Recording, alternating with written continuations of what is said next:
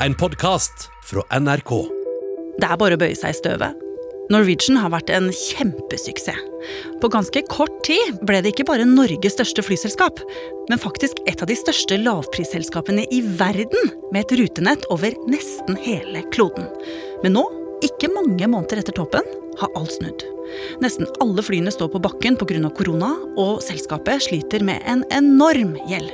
Og flere mener det nå bare er få uker til det er konkurs. Hvordan kunne det gå så ille? Hva skal til for å redde Norwegian? Og betyr det noe for deg og meg om det overlever eller ikke?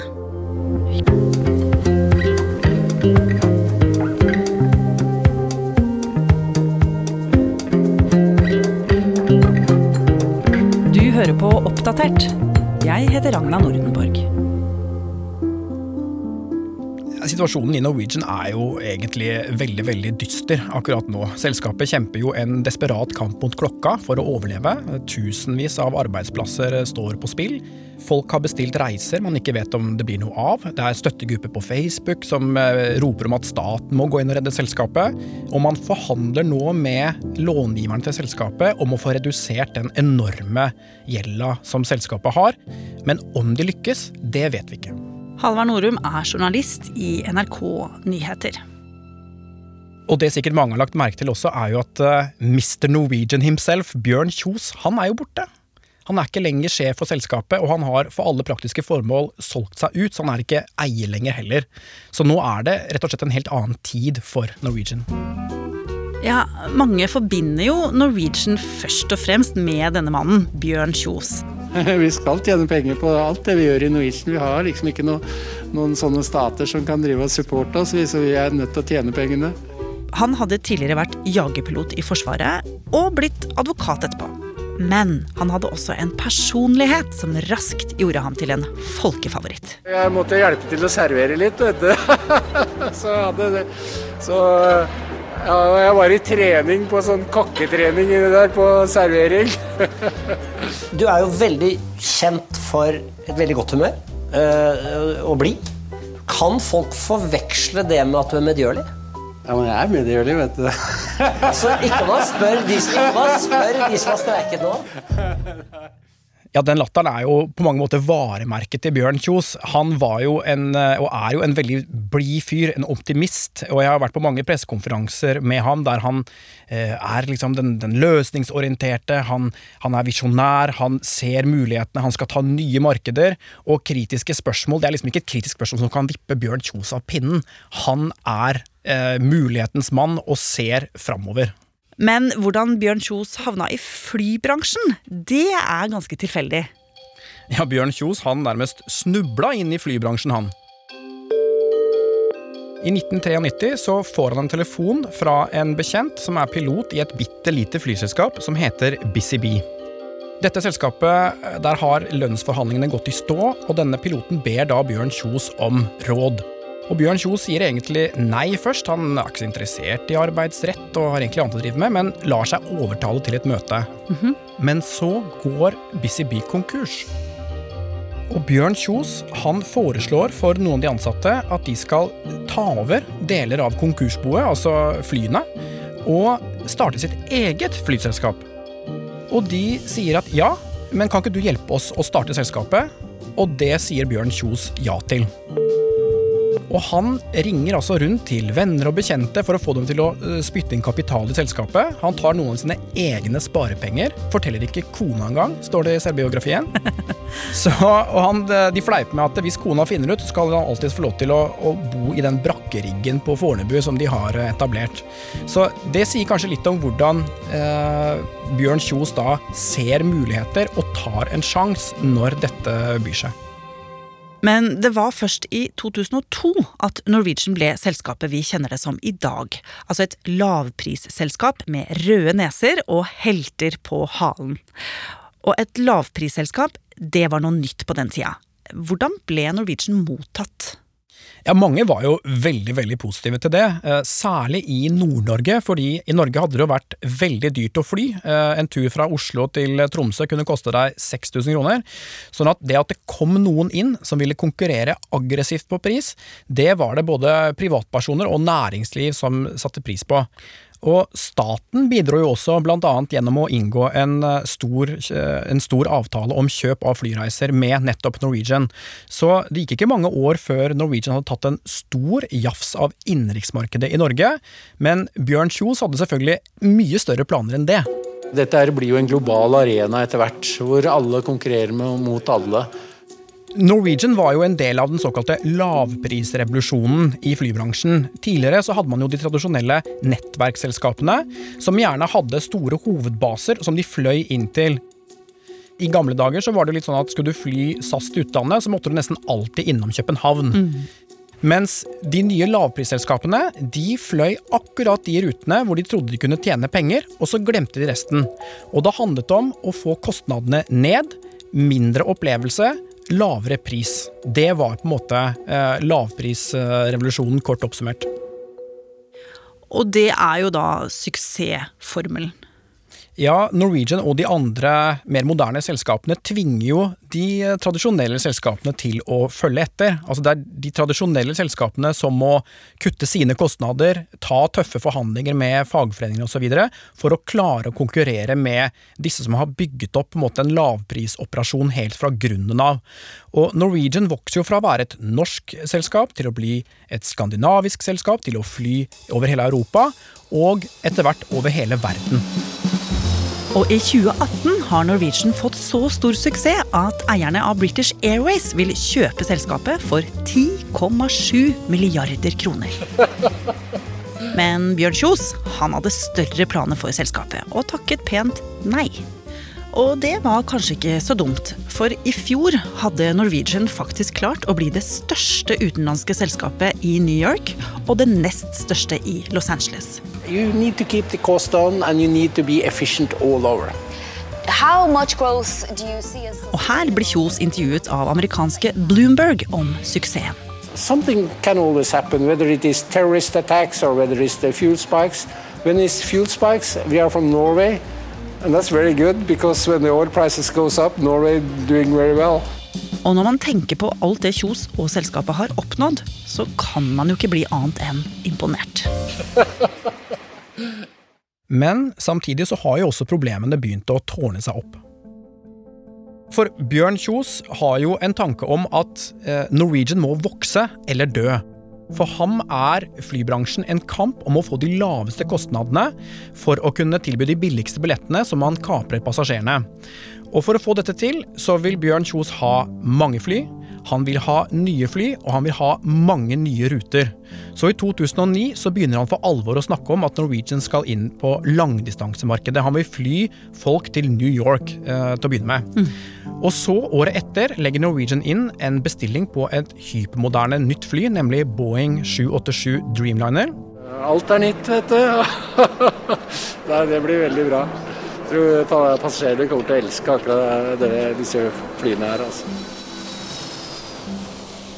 Og to år senere så kommer jo denne gigantordren på 222 fly fra både Boeing og Airbus. En av de største flyordrene i flyhistorien. Og dette håper Bjørn Kjos skal gi ham da to fordeler. Både at han får billige fly fordi han har kjøpt mange av dem, og at han får lavere drivstoffkostnader fordi disse flyene skal bruke mindre drivstoff enn konkurrentenes. Det høres jo egentlig ut som en kjempeplan. Hva er som er problemet, egentlig? Ja, Problemene var jo at det å ta i bruk ny teknologi, det er ikke alltid så enkelt. Denne Dreamlineren viste seg jo å være en del tekniske problemer, såkalte barnesykdommer. Det var problemer med batteriene, det var eh, tekniske systemer som ikke funket helt som de skulle, og ikke minst disse motorene fra Rolls-Royce, som jo ble slitt raskere enn man hadde sett for seg, som betød mer reparasjoner, mer inspeksjoner og mer tid på bakken for flyene, noe som de jo ikke bør, i og med at de er såpass dyre til å, å kjøpe i utgangspunktet. Ja. Husk det var mye skuffa folk som ikke kom seg av gårde med disse Dreamlinerne. Ja, og begrepet kjosfast eh, ble jo etablert i, eh, i 2013 nettopp fordi sinte passasjerer da var holdt jeg på å si, strandet rundt omkring i verden, og Norwegian i sin iver etter å vokse raskt ikke hadde eh, nok reservekapasitet i systemet, slik at det tok Det kunne ta dager før man fikk flypassasjerene hjem. Ja, og det er det jo veldig mange av som husker. Ja, og det var jo ikke de eneste problemene Norwegian hadde. Man hadde streiker, man hadde problemer med å eh, finne nok piloter og nok crew til alle disse nye rutene man skulle etablere, fordi man fikk så mange nye fly inn. Dette førte til utbetaling av kompensasjon til eh, reisende, innleie av dyre eh, erstatningsfly osv. Så, videre. så dette begynte jo også å gjøre seg synlig i regnskapene. Så Norwegian får etter hvert en utrolig stor gjeld som de må betale på. Men ikke nok med det. Verden blir jo rammet av to enormt tragiske flyulykker, som da går utover Norwegian. Ja. Det er eh, lite håp om å finne overlevende etter flystyrten utenfor Indonesia i dag. 189 mennesker var om bord da flyet fra Lion Air forsvant fra radaren. Styrten den skjedde bare 13 minutter etter eh, avgang. I oktober 2018 så skjer den første av to tragiske flyulykker som involverer et av Boeings splitter nye fly, nemlig 737 Max.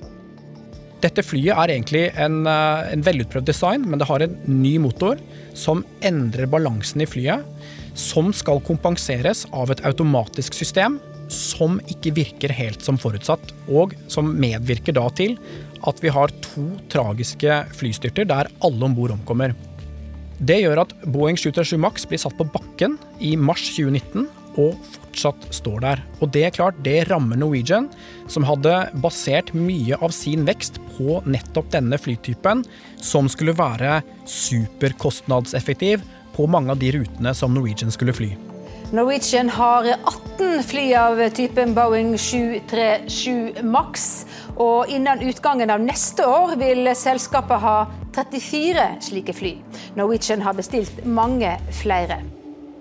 Og dette skjer jo da på et særdeles dårlig tidspunkt for Norwegian. Ja, fordi nå har eh, Norwegian i flere år gått med milliardunderskudd. Og problemet er jo at selskapet har den enorme gjelden fra disse store flykjøpene. Og det blir litt som om du skulle ha et stort boliglån. Så lenge du har jobben, eh, så, så går det bra.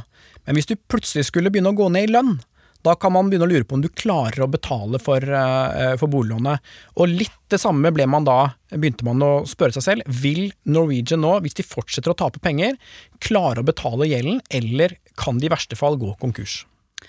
Men så er det jo denne Kjos da, som er evig optimist og egentlig ikke syns at eh, verden er så full av problemer som alle oss andre. Hvordan takler han det?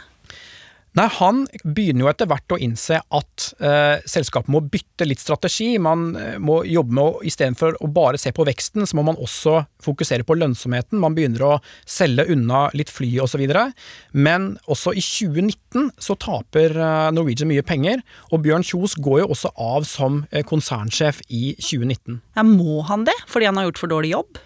Han ble vel ikke kastet, men det ble jo hvert fall et eh, Det var vel et press fra investorer om at man måtte få eh, nye koster inn i selskapet. Og klart, Kjos begynte jo også å dra på åra, så det var jo et tidspunkt han også eh, måtte gi seg. Det hadde han jo selv sagt i flere år. Så det var kanskje ikke et så dårlig tidspunkt å egentlig gi fra seg spakene, om du kan si det på den måten, til Jakob Skram. Men så kom koronaen. I denne perioden som vi har foran oss, vil alle få en annerledes hverdag. Fire av Norwegians bemanningsselskaper i Sverige og Danmark har begjært seg selv konkurs, og 4700 personer mister jobben. Dagens konkursbegjæringer er ifølge konsernsjefen en siste utvei for selskapet. Dette handler først og fremst om å få kostnader ut av selskapet som følge av at vi ikke har etterspørsel. Dette er en krisehåndtering i forbindelse med koronakrisen, som er den største krisen som har vært siden annen verdenskrig. Eh, den største krisen i luftfarten noensinne. Dette er ikke et isolert Norwegian-problem. Det er et industriproblem innenfor hele luftfarten. Så hva er situasjonen for eh, Norwegian nå? Nei, den er ganske trasig. Nå er det vel bare sju av rundt 160 fly som er i trafikk. Selskapet genererer nesten ikke inntekter, samtidig som de har kostnader og nesten 60 milliarder kroner i gjeld. Så det du sier er at de ikke har penger til å betale ned på lånene sine? Ja, og da, hvis man ikke klarer å betale renter og avdrag, da risikerer man jo å gå konkurs. Eh, så nå forsøker man jo alle mulige grep for å redde selskapet. Man er i forhandlinger med de som har lånt selskapet penger, altså kreditorene, om å ettergi deler av gjelda mot at kreditorene blir nye eiere i, uh, i Norwegian. Altså man bytter gjeld mot aksjer, rett og slett. Men det er jo ikke sikkert kreditorene vil det. Altså bli eier av et flyselskap som eh, i hvert fall per nå går veldig, veldig dårlig. Nei, det er ikke sikkert, og da øker jo sjansen for en konkurs betraktelig. Men håpet er jo selvfølgelig å få til en frivillig løsning, og dersom man klarer det, så har jo staten sagt at staten vil gå inn med nye 2,7 milliarder kroner i nødlån, slik at selskapet kan klare seg videre. Men hvorfor er staten så vanskelig? Det er fordi at staten ikke ser på det som sin oppgave å redde kapitalister som har uh, tatt risiko med egne penger. Det kan ikke være sånn at uh, hvis det går bra, så beholder du gevinsten, og hvis det går dårlig, så kommer staten automatisk og redder deg. Men på den annen side så ønsker jo staten å beholde både arbeidsplassene og ikke minst flytilbudet. Og så har man jo et ansvar her fordi hovedgrunnen til at Norwegian nå sliter, er at de får ikke fly, og de får ikke fly pga. statlige tiltak i forbindelse med koronakrisen. Så her har man et stort dilemma. Man kan ikke være for raus, men man kan heller ikke være for streng. Hmm, skjønner. Når får man egentlig vite hvordan eventyret om Norwegian ender?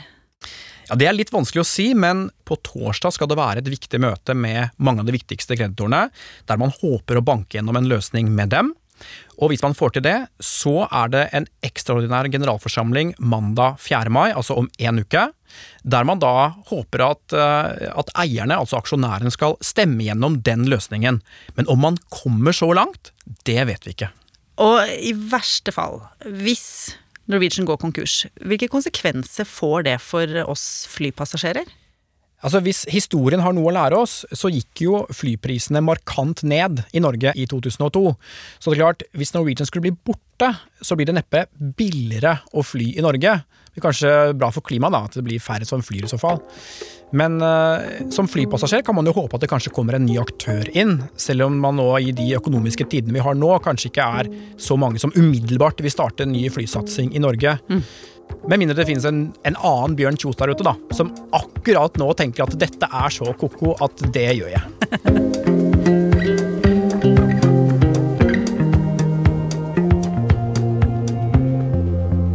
Oppdatert er en podkast fra NRK Nyheter. Og hvis du ikke vil gå glipp av neste episode, så kan du abonnere i appen NRK Radio. Bare søk på Oppdatert, så finner du oss. Denne episoden var laget av Petter Sommer og meg, Ragna Nordenborg. Vil du kontakte oss, gjør det på oppdatert krøllalfa nrk.no. Du har hørt en podkast fra NRK. Hør flere podkaster og din favorittkanal